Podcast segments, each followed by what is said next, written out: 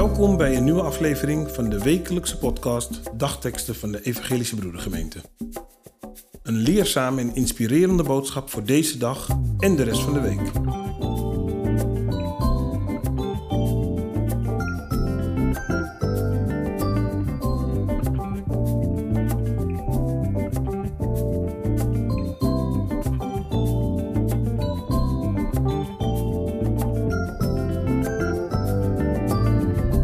Vandaag is woensdag 6 oktober. De dagteksten van vandaag komen uit Joël, hoofdstuk 2, vers 13 en 1 Thessalonicense 5, vers 9 en 10. De Heer is genadig en barmhartig, toegevend en vol liefde, en hij heeft spijt over het onheil. Gods bedoeling met ons is niet dat wij veroordeeld worden, maar dat wij gered worden door onze Heer Jezus Christus. Hij is voor ons gestorven. Een keer zei iemand tegen mij: Weet je waarom ik niet meer naar de kerk kom? Ik word er altijd zo verdrietig van. De hele tijd hoor ik hoe slecht de mens is en wat met Gods hulp anders moet worden. Zelfs in het gebed worden alleen de dingen opgenoemd die niet goed zijn. Er is zo weinig positiviteit. Ik schrok er wel van toen ik dat hoorde, maar ik was het wel eens met zijn gevoel.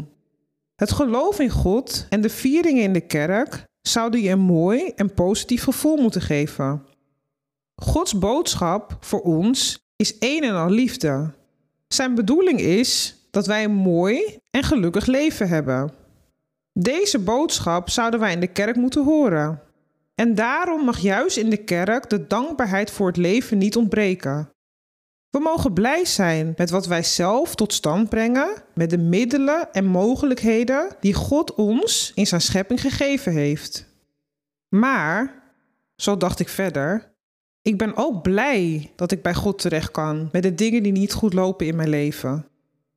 Hij is niet te beroerd om daarnaar te luisteren. Daar waar mensen vaak afhaken omdat het te veel wordt, of omdat zij met hun eigen zoren zitten, blijft Hij openstaan voor mijn verhaal. Dat zie ik ook in de verhalen van Jezus terug.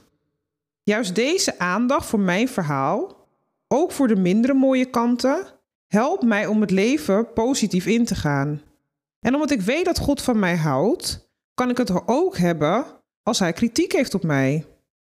Want daardoor kan ik veranderen en beter worden. Zo werkt dat bij God. Ik heb het ook zo tegen de man gezegd als reactie op zijn terechte kritiek op de kerk. Hij moest er nog even over nadenken, zei hij. God, dank u wel voor mijn leven. Dank u wel dat u dit leven wilt bewaren en beschermen. Dank u wel dat uw zoon, Jezus Christus, zich daarvoor heeft ingezet. Zegen mij zodat ik een goed leven kan leiden. Amen.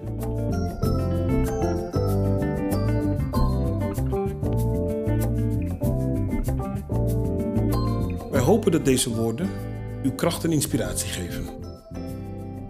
Volgende week woensdag is er weer een nieuwe aflevering. U kunt de podcast op het platform van uw keuze downloaden. Volg ons. Zo hoeft u geen aflevering te missen. Een gezegende week.